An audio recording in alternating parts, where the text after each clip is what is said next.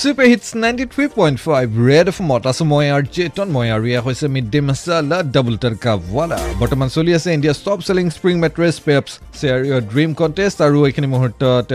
phone line ব্যস্ত হৈ পৰিছে আমাৰ হেল্ল' তন্ময় দা কোনে ক'লে মই মৈত্ৰ শৰ্মা কৈছিলো ৰঙিয়াৰ পৰাই মই থ্ৰী হয় চলি আছে বৰ্তমান Peps share your dream contest তোমাৰ এটি ড্ৰিম আমাৰ সৈতে শ্বেয়াৰ কৰাটো বিচাৰিম Mm, উম,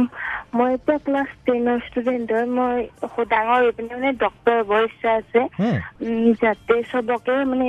ভা- ভালকে শুশ্ৰূষা কৰিব পাৰো মা দেউতাৰ নাম কৰিব পাৰো আৰু কল কৰিলা তোমাৰ সপোন আমাৰ সৈতে শ্বেয়াৰ কৰিলা বহুত বহুত ধন্যবাদ বাই বাই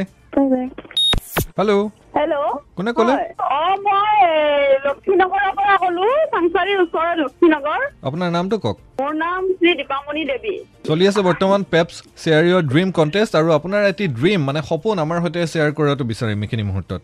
হয় হয় হয় মোৰ সপোন আছে মই হলো ঘৰখনৰ ডাঙৰ ছোৱালী হুম, সেইবাবে মই মোৰ প্ৰথমতে মোৰ ঘৰখনক মই প্ৰতিষ্ঠা কৰিব লাগিব তাৰ পিছত মোৰ মা দেউতা মা দেউতা যাতে মোৰ ভৱিষ্যতটো সিহঁতক সুখত ৰাখিব পাৰো কাৰণ মোক ডাঙৰ দীঘল কৰিছে ডাঙৰ মদি হুম, সেইবাবে সিহঁতৰ প্ৰতি মোৰ দায়িত্ব আছে তাৰপিছত মোৰ ওচৰ চুবুৰীয়া সমাজৰ কথা ভাবিম আৰু নিশ্চয়কৈ বহুত বহুত ধন্যবাদ এ,